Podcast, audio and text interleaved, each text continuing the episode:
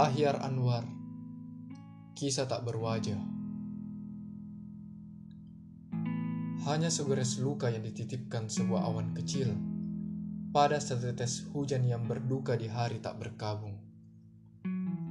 Hanya tentang nama kecil yang tergurat di hati yang menyisakan rindu di kesepian. Dan pada kisah yang tak lagi punya warna, sebuah pertemuan memberikan nama dari perpisahan yang indah. Di titik yang diciptakan angin yang bersembunyi di antara malam dan dingin kabut, kita menemukan diri di dedaunan yang gugur dengan kesuraman yang ikhlas. Banyak hal dalam hidup adalah pilihan, tetapi pertemuan kita bukanlah sebuah pilihan. Seperti juga bunga, tidak selalu harus mekar untuk menaburi dunia dengan keharuman dan keindahan warna kelopaknya. Terkadang, bunga kehilangan kesempatan terbaik untuk menjadi indah. Kadang, bunga justru merekah pada kesepian dan kesedihan terdalam. Kadang juga, bunga hanyalah sebuah bunga. Tetapi bunga juga sering kali menjadi persembahan atas nama harapan yang berlebihan. Bunga kadang adalah sebuah jiwa yang ditaburi cinta.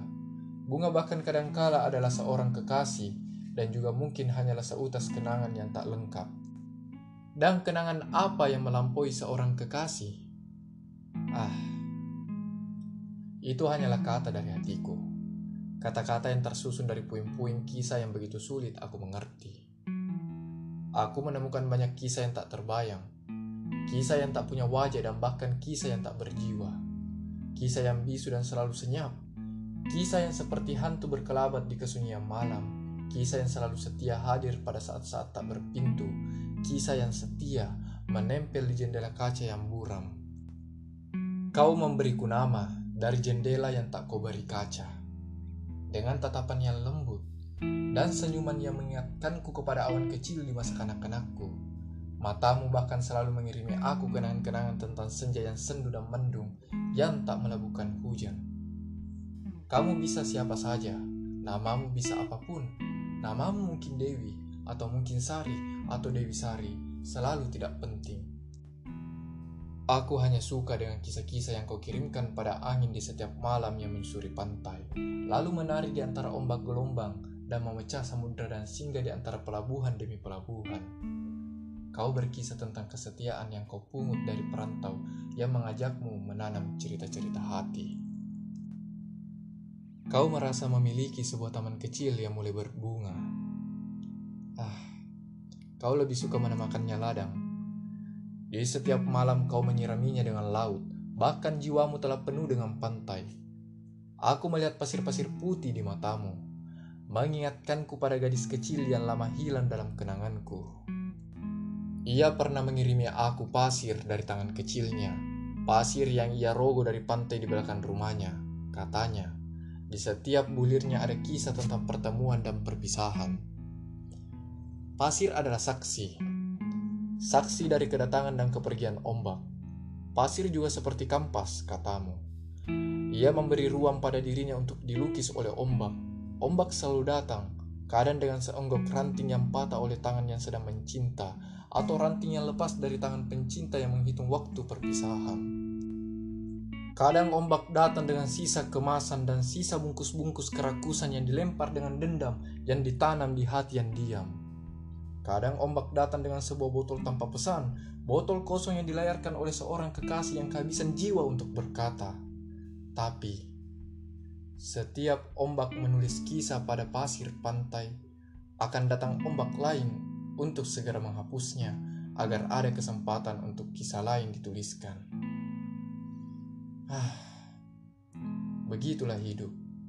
Kerinduan dan kesedihan adalah gelombang dan riak ombak yang tak berhenti dan gadis kecil dalam kenangan itu memberikanku perpisahan kecil yang tak lagi bersambung. Aku juga melihat karang di matamu. Mungkin kerinduan yang kau susun dari hari demi hari, yang kau tasbihkan jadi penantian yang beku, lalu mengeras dan mengkarang. Kini, karang itu melekat di hatimu. Di sela karang itulah kau tak pernah luput menyelipkan cinta. Aku juga melihat angin di matamu, Anginnya akan selalu lembut, Tetapi kelak, jika tak kau beri kasih yang cukup, angin itu akan jadi badai yang marah, marah yang akan menerang habis kelembutanmu. Kau tak henti mengalirkan cerita tentang kekasih yang berjanji, kekasih yang melingkari hati dengan kerinduanmu pada perjalanan dari laut ke laut. Juga, tentang dirimu yang telah mengerti tentang penantian, tentang kemungkinan-kemungkinan yang pasti. Kau menanam semua berita dari SMS ataupun dari telepon singkat pada ladang yang kau samaikan dengan cinta. Kau membuatku tertegun dan menyembunyikan air mata dengan gelisah ketika kau bercerita tentang bulan, bulan yang kau yakini mempunyai mata yang memandangi kekasihmu, bagimu. Malam adalah pertemuan dan bulan adalah mata yang mengirim tanda. Entah, telah seberibu apa Kau telah menggores bulan dengan ketajaman hatimu, katamu, kerinduan adalah pertemuan. Kau mengatakannya dengan luka. Aku merasakan darahnya. Luka yang kau teduhkan dengan senyuman yang indah. Mungkin kau tak tahu, tapi aku merasakan saat terakhir kau menyusuri malam. Malam itu menangisi kesuramannya.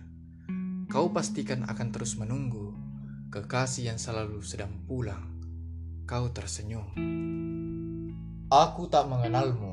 Kau hanya menitip tanda pada sebuah tatapan yang mengalirkan angin.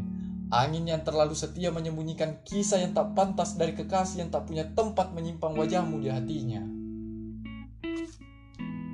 Dan kau, kau tak pernah akan tahu. Sebuah badai telah menghempas jiwaku. Tubuhku karam dan terdampar di pantai hatimu yang sepi. Di sanalah aku baru menyadari betapa jiwamu penukaran dan lumut-lumut kenangan. Kau membayang, meski ada jiwa, tapi bagiku kisahmu tetap tak berwajah.